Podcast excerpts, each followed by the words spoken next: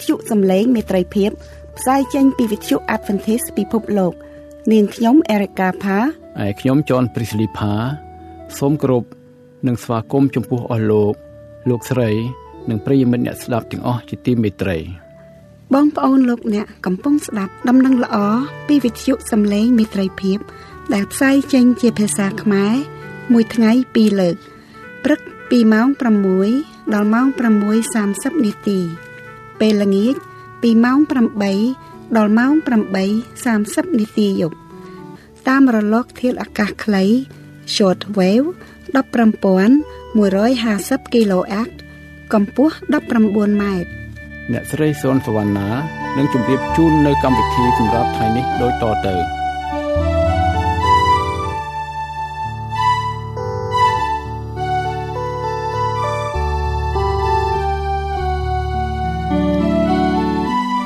បងប្អូនស្ងួនភ្ងាជាទីគោរពនិងជាទីមេត្រី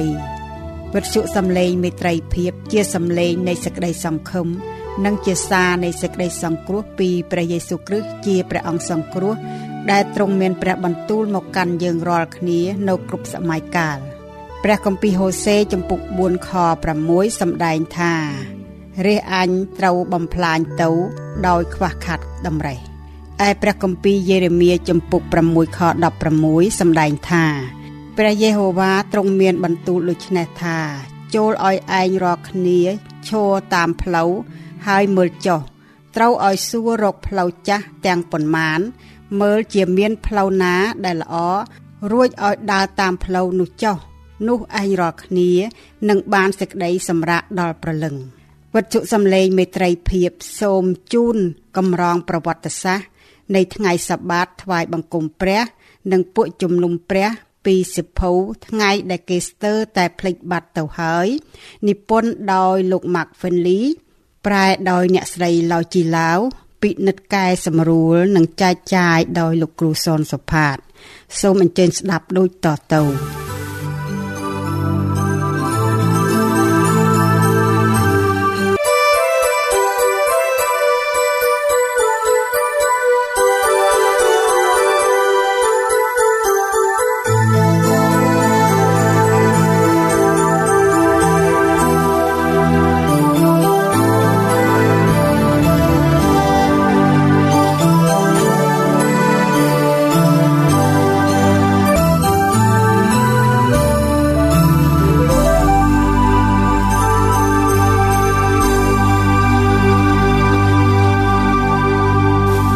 មជម្រាបសួរបងប្អូនជនភ្ងាជាថ្មីម្ដងទៀត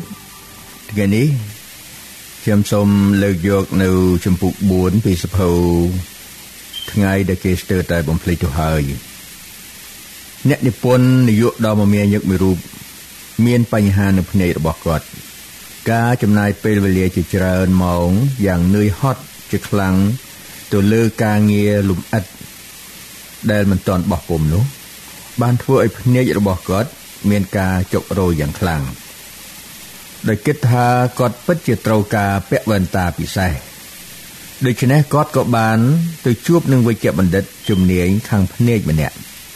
ប៉ុន្តែគ្រូពេទ្យជំនាញនោះ បានប្រាប់គាត់ថាគាត់មិនត្រូវការវ៉ែនតាពិសេសថ្មីនោះទេ តែភ្នែកគាត់ត្រូវការសម្រាកអ្នកនិពន្ធនាយកនោះបានពន្យល់ទៅលោកគ្រូពេទ្យវិញថា ការនេះមិនអាចទៅរួចទេពីព្រោះការងាររបស់គាត់តម្រូវឲ្យគាត់អង្គុយនៅតុដើម្បីមើលអត្ថបទនិងសរសេរពេញពេញមួយថ្ងៃជារៀងរាល់ថ្ងៃលោកគ្រូពេទ្យនោះសួរទៅគាត់ថាតើលោករស់នៅឯណាអ្នកនិពន្ធនាយកយើងឆ្លើយទៅថាខ្ញុំរស់នៅកន្លែងស្រុកមួយដែលមើលទៅឃើញជួបភ្នំភើណាញដ៏ស្កឹមស្កៃនៅក្នុងប្រទេសបារាំងនៅពេលដែលលោកគ្រូពេទ្យបានលឺដូច្នោះ លោកគាត់បានផ្ដល់នៅដំបូន្មានណែនាំថា ពេលណាអ្នកត្រឡប់ទៅផ្ទះវិញ សូមធ្វើការដូចធម្មតាចុះប៉ុន្តែរៀងរាល់ម៉ោងសូមអ្នកងើបចេញពីតុពីការិយាល័យរបស់អ្នករួចដើរចេញទៅឲ្យបង្ហាខាងក្រោយ ហើយក្រឡេកមើលទៅឲ្យភ្នំទាំងនោះចុះពេលណាអ្នកសម្លឹងមើលទៅឆ្ងាយអ្នកនឹងអាចសម្រាកភ្នែករបស់អ្នក ក្រោយពេលដែលអ្នកប្រឹងមើលអត្ថបទនិងទំព័រកំណែដ៏ច្រើននោះដកស្រង់ចេញពីទស្សនាវដ្តី Focus វ៉ុលទី6លេខ3ទំព័រ8ការនេះវាដូចគ្នាទៅនឹងថ្ងៃសបាតដែរគឺជាការអញ្ជើញយើងឲ្យសម្រាកភ្នែករបស់យើង ពីរបស់ធម្មតាផងទាំងឡាយដែលបានបំពេញនៅក្នុងជីវិតរបស់យើង រួចនាំឲ្យយើងក្រឡេកមើលទៅឯរបស់នៃជីវិតអស់កល ថ្ងៃសបាតត្រូវបានបង្កើតឡើងដើម្បីជួយពួកយើងឲ្យផ្ដោតចក្ខុរបស់យើងសារជាថ្មីទៅលើវត្ថុផងទាំងឡាយដែលពិតជាមានសារៈសំខាន់ឆ្លងកាត់ជាច្រើនសតវត្សអ្នកកាន់ថ្ងៃសបាតដ៏ស្មោះត្រង់បានរក្សាចិត្តគំនិតរបស់គេឆ្ពោះទៅលើវត្ថុដ៏មានតម្លៃពិតប្រាកដប៉ុន្តែមុនពេលដែលយើងពិនិត្យមើលទៅលើផុសតាងប្រវត្តិសាស្ត្រទាំងនេះ សូមយើងបានសង្កេតសារឡើងវិញដោយត្រួសត្រាសនៅអ្វីដែលយើងបានបរិយាយរួចមកហើយថ្ងៃសបាតគឺជាថ្ងៃទី7ដែលត្រូវនឹងថ្ងៃសៅរ៍គឺជាថ្ងៃដែលត្រូវបានកាន់ដោយមច្ឆាត់ដោយសាសហេប្រឺនៅពេញសម័យព្រះគម្ពីរសញ្ញាចាស់ព្រះយេស៊ូវនិងពួកសាវករបស់ទ្រង់បានរក្សាថ្ងៃជប់សម្រាកគឺថ្ងៃសបាតនេះយ៉ាងមើងម៉ាត់នៅក្នុងការថ្វាយបង្គំ ដោយសេចក្តីស្រឡាញ់ចំពោះព្រះវរបិតានៃឋានសួគ៌ដ៏អស្ចារ្យពួកគេសម្លឹងមើលទៅថ្ងៃសបាតចំណេទៅមុខដោយភាពរីករាយឆ្លងកាត់សតវត្សទី1ទាំងស្រុង ទាំងសាសយូដានិងទាំងសាសដទៃដែលបានបដូរជំនឿទៅជាអ្នកគ្រីស្ទៀនគេគោរពថ្វាយបង្គំព្រះនៅថ្ងៃសបាតមានផោះតាងជាច្រើនរួមបញ្ចូលគ្នា ដែលអូសទាញអ្នកគ្រីស្ទៀន ឲ្យបោះបង់ថ្ងៃសបាតចោលហើយបែរទៅយកថ្ងៃអាទិត្យជំនួសវិញ នៅក្នុងសតវត្សជាបន្តបន្ទាប់មកក្រោយពីការធ្លាក់ចុះនៃក្រុងយេរូសាឡឹមនៅក្នុងគ្រិស្តសករាជឆ្នាំ70មកហើយនឹងការបង្ក្រាបការបះបោរនៃពួកសាសយូដាដែលគេហៅថាពួក Jewish ឬពួក Swift ប្រឆាំងនឹងក្រុងរ៉ូមនៅក្នុងគ្រិស្តសករាជ135នោះមក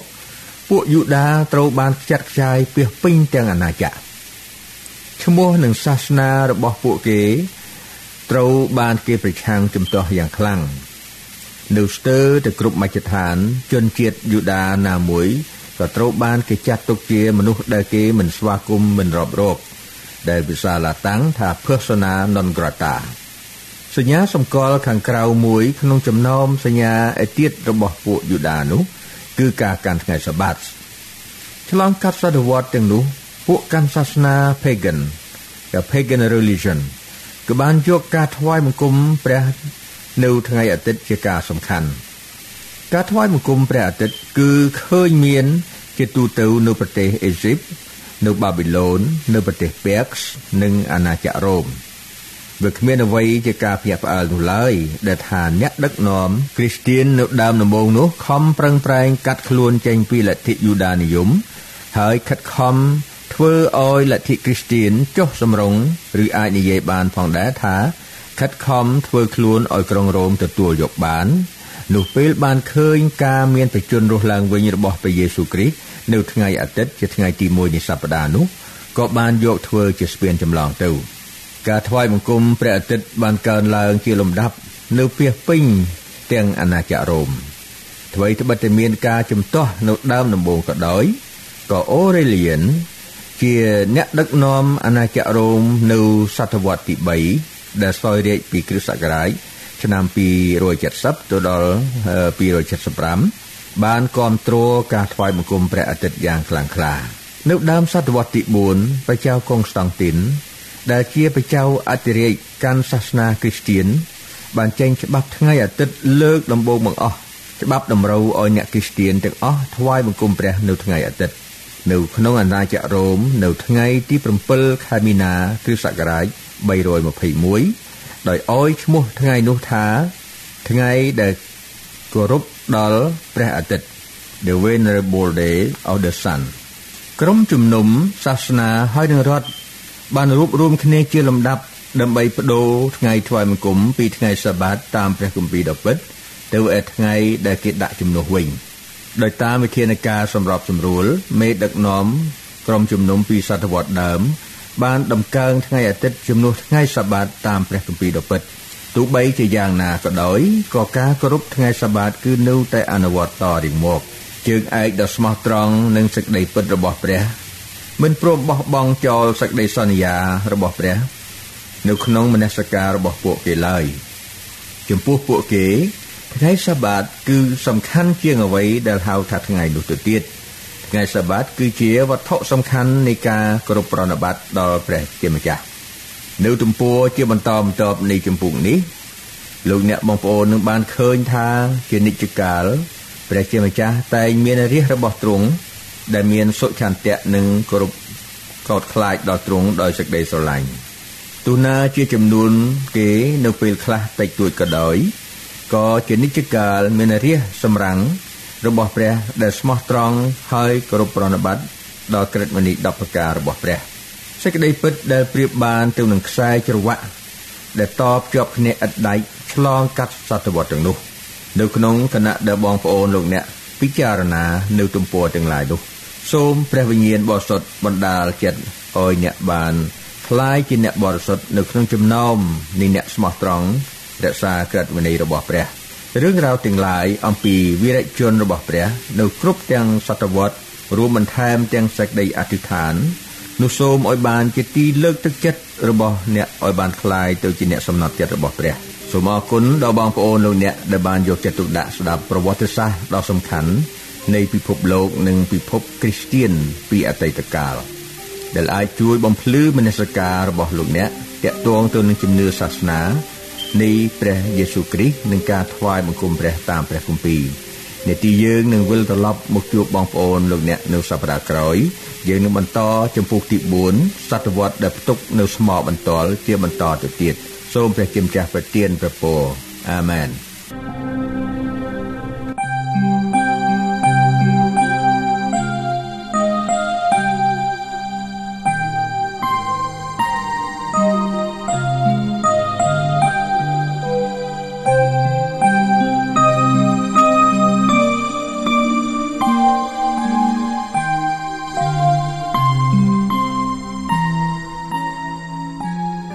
បាទសូមគោរពស្វាគមន៍បងប្អូនលោកអ្នកនៅក្នុងនីតិប្រវត្តិសាស្ត្រនៃក្រមជំនុំដែលខ្ញុំដកស្រង់ចេញពីសភៅថ្ងៃដែលគេស្ទើរតែផ្លេចទៅហើយដោយបណ្ឌិត Mark Finley បកប្រែដោយអ្នកស្រីឡៅជីឡាវថ្ងៃនេះយើងបន្តនៅក្នុងជំពូកទី4ដែលមានចំណងជើងថាសតវត្សផ្ទុកនៅស្មោបន្ទាល់ហើយនៅក្នុងវគ្គនេះគឺយើងអឺនឹងមើលនៅក្នុង ទំព័រដែលមានចែកអំពីថាឆ្នាំដំបូងនៃការក្បត់សាសនាភាសាអង់គ្លេសហៅថា the early apostate years បាទនៅក្នុងនេះគឺជាការសង្ខេបនៃផុសតាងប្រវត្តិសាស្ត្រពីសតវត្សទី1ដល់សតវត្សទី5ខ្ញុំសូមជម្រាបជូនបងប្អូនស្មុនភ្ងាលោកលោកស្រីប្រិយមិត្តទាំងអស់ឲ្យបានជ្រាបផងដែរថានៅក្នុងប្រវត្តិសាស្ត្រនេះគឺតាក់ទងទៅនឹងថ្ងៃ អឺសាបាតគឺជាថ្ងៃឈប់សម្រាកនៅក្នុងព្រះគម្ពីរ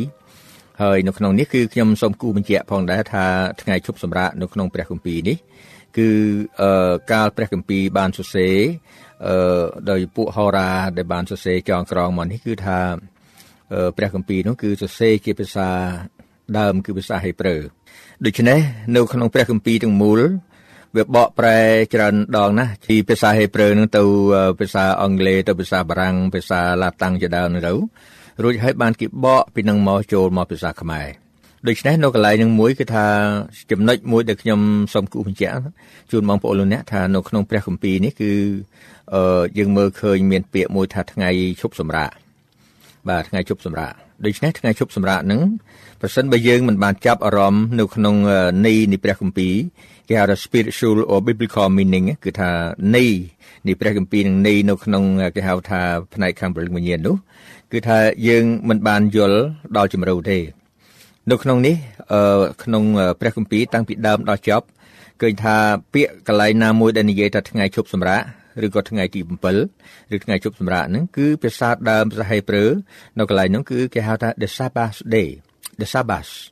the sabbath ហ្នឹងគឺថាដែលខ្ញុំនិយាយជាខ្មែរថាថ្ងៃសបាតថ្ងៃសបាតគឺជាថ្ងៃសបដែលភាសាដើមគឺជាគេហៅថា sabbath day ដែលប្រែមកថាថ្ងៃជប់សម្រាកថ្វាយបង្គំដល់ព្រះយេហូវ៉ាបបាទដូច្នេះនេះហើយគឺជាភាសាដើមនៃដែលសំខាន់បំផុតសម្រាប់បងប្អូនលោកអ្នកអឺបានដឹងពីព្រោះថានៅក្នុងនេះបើយើងមើលឃើញថាថ្ងៃនោះជាថ្ងៃថ្វាយបង្គំដល់ព្រះហើយដែលជាប់តេតិនទៅនឹងការត្រាស់បង្គាប់របស់ព្រះផងនោះ ឃើញថាជាការសំខាន់ណាស់សំខាន់ណាស់មិនមែនគ្រាន់តែជាការមួយដែលថាថ្ងៃជប់សម្រាកអំពីការងារដែលយើងធ្វើការលៀងអាជីពរបស់យើងគឺមិនមិនមែននៅក្នុងនេះនឹងទេនៃដែលខ្ញុំដែលយើងផ្សព្វផ្សាយនៅក្នុងព្រះគម្ពីរនៅក្នុងកម្មវិធីរបស់យើងនេះគឺបានន័យថាថ្ងៃដែលបរិសុទ្ធគឺថ្ងៃទី7ថ្ងៃជប់សម្រាកដើម្បីថ្វាយបង្គំដល់ព្រះនគរឋានសួគ៌គឺព្រះយេហូវ៉ា បាទដូច្នេះខ្ញុំសូមអរគុណហើយខ្ញុំសូមលើកជម្រាបជូនពីព្រោះថាយើងនិយាយថាថ្ងៃសបាតថ្ងៃជប់សម្រាប់អញ្ចឹងគេលោកបងប្អូនលោកអ្នកមិនបានយល់ថាតើយើងចង់និយាយពីអីដូច្នេះឥឡូវនេះខ្ញុំសូមអោយអឺបងប្អូនលោកអ្នកបានស្ដាប់នៅខនៃព្រះគម្ពីរមួយវគ្គខ្ញុំសូមអញ្ជើញអ្នកស្រីសូនសវណ្ណាបានអានអ្នកស្រីបានអាននៅក្នុងព្រះគម្ពីរពីគម្ពីរថេសាឡូនីកអឺខ្សែទី2ចំពុក2ពីខ1ដល់ខ5 ពីព្រោះថាយើងឃើញថានៅក្នុងវគ្គនៃព្រះគម្ពីរនោះគឺវាមានជាប់តេតិនទៅនឹងអ្វីដែលយើងនឹងអានពីអត្ថបទនៅថ្ងៃនេះបាទសូមអញ្ជើញខ្ញុំនឹងអានព្រះគម្ពីរនៅព្រះគម្ពីរថេសាឡូនីកទី2ចំពុក2ខ1ដល់ខ4ឥឡូវនេះបងប្អូនអើយដោយព្រោះព្រះយេស៊ូវគ្រីស្ទជាព្រះអង្គម្ចាស់នៃយើងទ្រង់ត្រូវយាងមក ហើយយើងរាល់គ្នាត្រូវប្រជុំគ្នានៅចំពោះទ្រង់នោះយើងខ្ញុំសូមអង្វរដល់អ្នករាល់គ្នាថាកុំឲ្យអ្នករាល់គ្នាឆាប់មានគំនិតរវើរវាយឬថប់ព្រួយអ្វីទោះបើដោយសារវិញ្ញាណណា ឬពាក្យសម្ដីណា ឬសម្បត្តិណា ដូចជាមកពីយើងខ្ញុំក្តី ដែលថាថ្ងៃនៃព្រះអង្គម្ចាស់ចិត្តដល់ហើយនោះឡើយ កុំឲ្យអ្នកណាបញ្ឆោតអ្នករាល់គ្នាជាយ៉ាងណាដែរត្បិតថ្ងៃនោះมันមកឡើយទាល់តែមានសេចក្តីក្បត់សាសនាមកជាមុន ហើយមនុស្សដែលជាតួបាបនោះបានលេចមកគឺជាមនុស្សដែលត្រូវហិនវិនាសដែលទាស់តតឹងហើយលើកខ្លួនឡើង ខ្ពស់លើសជាងអស់ទាំងអ្វីដែលហៅថាព្រះ ឬរបស់អ្វីដែលគេគោរពប្រណិប័តផង ដល់ម្លេះបានជាវានឹងអង្គុយនៅ ដូចជាព្រះក្នុងវិហារនៃព្រះ ទាំងសម្ដែងខ្លួនថាជាព្រះផងលើនេះខ្ញុំសូមជូននៅព័ត៌មានពិស្ដាពីប្រវត្តិសាស្ត្រនៅ ក្នុងតកតងនឹងក្រុមជំនុំគឺថាតាមការសិក្សាដ៏ប្រុងប្រយ័ត្នមួយនៃប្រវត្តិសាស្ត្រតាំងពីសតវត្សទី1 ដល់សតវត្សទី5គឺបានបើកបង្ហាញនៅកិច្ចការដ៏អស្ចារ្យនៃការផ្លាស់ប្ដូរពីថ្ងៃសាបាតគឺថ្ងៃថ្វាយបង្គំព្រះនឹងតាមព្រះគម្ពីរពិតទៅឯថ្ងៃអាទិត្យគឺជាការផ្លាស់ប្ដូរបន្តិចម្ដងបន្តិចម្ដងក្នុងរយៈពេលយ៉ាងយូរការនេះមិនមែនកើតមកថាភ្លាមភ្លាមនោះទេគេថាអស់រយៈពេលយ៉ាងយូរបណ្ឌិត Kenneth Strand គឺជាសាស្ត្រាចារ្យជំនាញខាងប្រវត្តិសាស្ត្រនៃក្រុមជំនុំនៅឯ សាកលវិទ្យាល័យ Andrew នៅក្រុង Berrien Springs Michigan គឺលោកបានមានប្រសាសន៍វែកញែកយ៉ាងច្បាស់ថា រហូតមកដល់សតវត្សទី2ពុំមានផុសតាងដ៏ជាក់លាក់ណាមួយពីការប្រារព្ធពិធីថ្ងៃអាទិត្យរបស់អ្នកគ្រីស្ទៀននៅកន្លែងណាមួយសោះឡើយកំណត់មួយដ៏ជាក់លាក់នៅក្នុងអំឡុងសតវត្សនោះចេញមកពីក្រុង Alexandria និងក្រុងរ៉ូមជាកន្លែងដែលបដិសេធមុនគេបង្អស់នៃការគោរពថ្ងៃទី7ជាថ្ងៃថ្វាយបង្គំព្រះ បាទដកស្រង់ចេញពី Sabbath in Scripture and History នៅទំព័រ330ចុះហេតុអ្វីបានជាក្រុងទាំងពីរនោះ គឺក្រុង Alexandria និងក្រុងរ៉ូមបានបោះបង់ចោលនៅសេចក្តីពិតនៃថ្ងៃសាបាតមុនក្រុងឯទៀតចម្លើយអាចរកឃើញនៅក្នុងការយល់ដឹងអំពីគ្រីស្ទានមុនដំបូងនៅក្នុងគម្ពីរនៅក្នុងយុគគម្ពីរសញ្ញាថ្មីគេថាឬក៏យើងនិយាយថានៅចំនួនពួកសាវក ពួកគ្រីស្ទៀនភាគច្រើន គឺមានសមាជិកជាពួកសាសយូដាដែលបដូរជំនឿក្រោយមកទៀតមានពួកអ្នកដែលនៅក្រៅសាសអ្នកក្រៅសាសគេហៅភាសាអង់គ្លេសហៅថា the gentile គេថារាប់ពាន់អ្នកបានចូលមកក្នុងពួកជំនុំក្នុងគណៈដែលពួកអ្នកគ្រីស្ទៀនដើមដំបូងផងទាំងឡាយដែលបានកាន់ក្រឹតវិន័យរបស់ព្រះយ៉ាងស្មោះត្រង់ដោយគោរពថ្វាយបង្គំព្រះ នៅថ្ងៃសាបាតដ៏ពិតប្រាកដនោះពួកអ្នកដែលទៅបដូរជំនឿថ្មី ហើយដែលមានទំនៀមទម្លាប់ថ្វាយបង្គំព្រះអាទិត្យនោះក៏លះបង់ថ្ងៃសបាតចូលចេញវិញយ៉ាងងាយពេលនោះគឺថាចំណុចកណ្ដាលរបស់អ្នកគ្រីស្ទៀនគេថា the the the center of Christianity បានរំកិលចេញពីក្រុងយេរូសាឡឹមទៅឯក្រុង Alexandria និងក្រុងរ៉ូមណាយើងដឹងហើយថានៅក្នុងព្រះគម្ពីរនៅក្នុងសម័យព្រះយេស៊ូវក្តីគេថាចំណុចកណ្ដាលនៅក្រុងយេរូសាឡឹម ឥឡូវនេះរំកិលហើយរំកិលទៅឯក្រុង Alexandria ហើយនិងក្រុងរ៉ូមពួកអ្នកក្រៅសាសដែលបដូរសាសនាមកជាអ្នកគ្រីស្ទានដែលមិនធ្លាប់មានការគោរពថ្វាយបង្គំព្រះនៅថ្ងៃសាបាតហើយដែលទទួលអធិពលយ៉ាងខ្លាំងដោយការដែលអឺគេ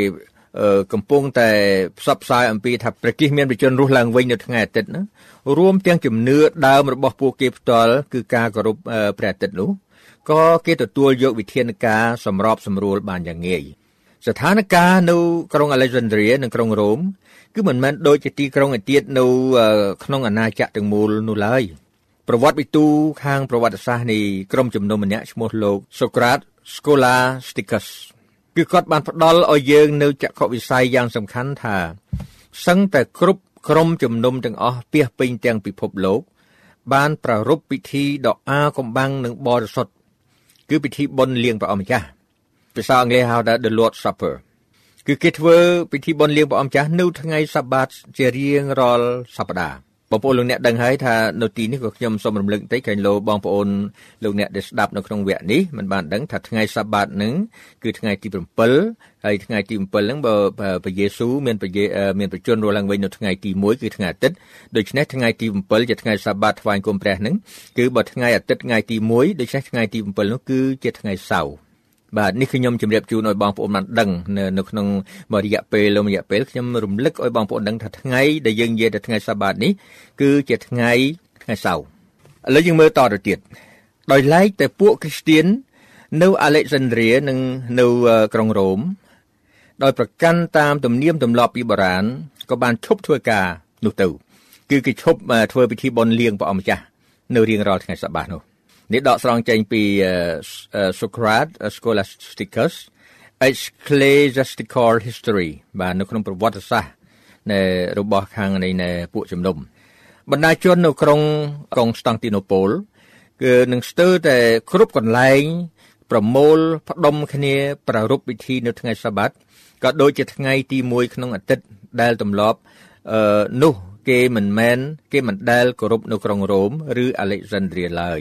ដូចជាយើងបានរកឃើញហើយថា ការខំប្រឹងប្រែងផ្លាស់ប្ដូរពីថ្ងៃសៅរ៍ថ្ងៃទី7ទៅថ្ងៃអាទិត្យថ្ងៃទី1នោះវាកើតឡើងយ៉ាងសន្សឹមសន្សឹមក្រៃលែងនៅក្នុងរង្វង់នៅក្នុងរង្វង់នៃគ្រីស្ទៀនថ្ងៃអាទិត្យនៅជាថ្ងៃធ្វើការប៉ុន្តែរួមទាំងការថ្វាយបង្គំក្នុងការលើកដំកើងថ្ងៃដែលព្រះយេស៊ូវមានប្រជញ្ញរស់ឡើងវិញ វាមិនបានជំនួសថ្ងៃសាបាតភ្លាមភ្លាមនោះទេ ដោយដែលយើងបានបរិយាយខាងលើនោះយ៉ាងច្បាស់លាស់មកហើយនៅក្នុងអំឡុងពេល200ឆ្នាំគឺចាប់ពីគ្រិស្តសករាជ100ដល់គ្រិស្តសករាជ300ការគោរពថ្វាយបង្គំព្រះនៅថ្ងៃអាទិត្យនៅទន្ទឹមគ្នានឹងការថ្វាយបង្គំព្រះនៅថ្ងៃសាបាតពិតប្រាកដក៏ប៉ុន្តែនិន្នាការរបស់ព្រះចៅកុងស្តង់ទីន គឺការដែលបែរេមានទំនោរណាទៅរបស់នៃព្រះចៅកុងស្តង់ទីន និងមនុស្សខ្លះទៀត បានធ្វើឲ្យមានការផ្លាស់ប្ដូរថ្ងៃសាបាតសម្រាប់ជាយថាហេតុពីថ្ងៃសៅរ៍ទៅថ្ងៃអាទិត្យអ្នកមានជំនឿស្មោះត្រង់របស់ព្រះទាំងប្រុសទាំងស្រីគឺបានប្រឆាំងទប់ទល់នឹងនិន្នាការនៃការផ្លាស់ប្ដូរនោះកំណត់នៃប្រវត្តិសាស្ត្របានផុសចេញមកបង្ហាញនៅចំណាប់អារម្មណ៍យ៉ាងខ្លាំងទៅលើការថ្វាយបង្គំព្រះនៅថ្ងៃសាបាតព្រះទ្រង់មានអ្នកស្មោះត្រង់ដើរតាមទ្រង់ហើយគោរពប្រណិប័តនៅតាមបញ្ញត្តិរបស់ទ្រង់ ទោះណាជាភ្លើងទៀននៃសច្ចធម៌នៃថ្ងៃសាបាតត្រូវបានគេពន្លត់តែអ្នកបម្រើស្មោះត្រង់នឹងសេចក្តីពិត បានចាំយាមរក្សាភ្លើងទៀននោះអឺដោយសេចក្តីគោរពកោតថ្លៃដល់ព្រះឥឡូវយើងមើលមកសតវត្សទី1នៃគ្រិស្តសករាជលោកយូសេហ្វសបានមានប្រសាសន៍ថាគ្មានទីក្រុងណាមួយនៃសាសក្រិចឬពួកបាក់បាណា barbarian ឬជនជាតិណាមួយទោះទាំងនៅចិត្ត ទំនៀមទម្លាប់យើង ដែលឈប់សម្រាកនៅថ្ងៃទី7មិនបានចូលមកនោះទេ មួយទៀតគឺដកស្រង់ពីពួកគ្រីស្ទៀននៅក្នុងសតវត្សទី1តែនៅពេលនោះពូជខាងវិញ្ញាណបរិសុទ្ធនិងជំនឿរបស់លោកអាប់រ៉ាហាំបានរត់ទៅឯផាឡា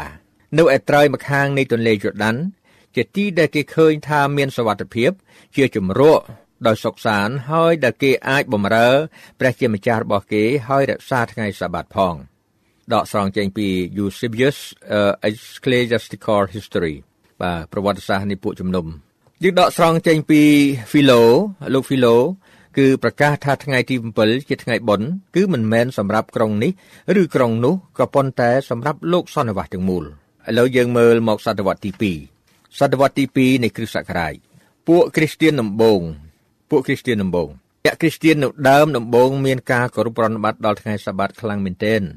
ហើយគេតែងចំណាយពេលពេញមួយថ្ងៃនោះដើម្បីសរសើររំកើងព្រះ និងស្ដាប់ការអធិប្បាយ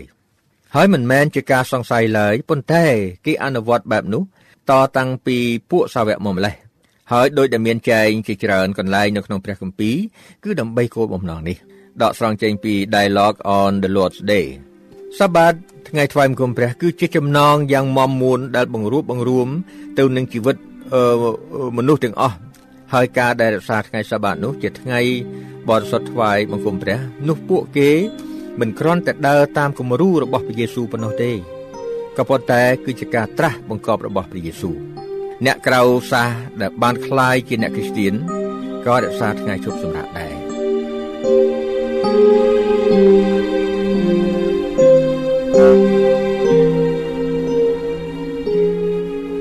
បើលោកអ្នកមានសំណួរ ឬសំណូមពរផ្សេងផ្សេងឬចង់ដឹងពីក្រុមជំនុំដែលនៅជិតសូមតាក់ទងមកការិយាល័យវិទ្យុសំឡេងមេត្រីភាព តាមទូរស័ព្ទលេខ012 34 96 64ឬអ៊ីមែលទៅ vol@awr.org កម្មវិធីសម្រាប់ថ្ងៃនេះ ចប់តែប៉ុណ្ណេះវិទ្យុយើង សូមថ្លែងអំណរគុណ ជាអតិបរមា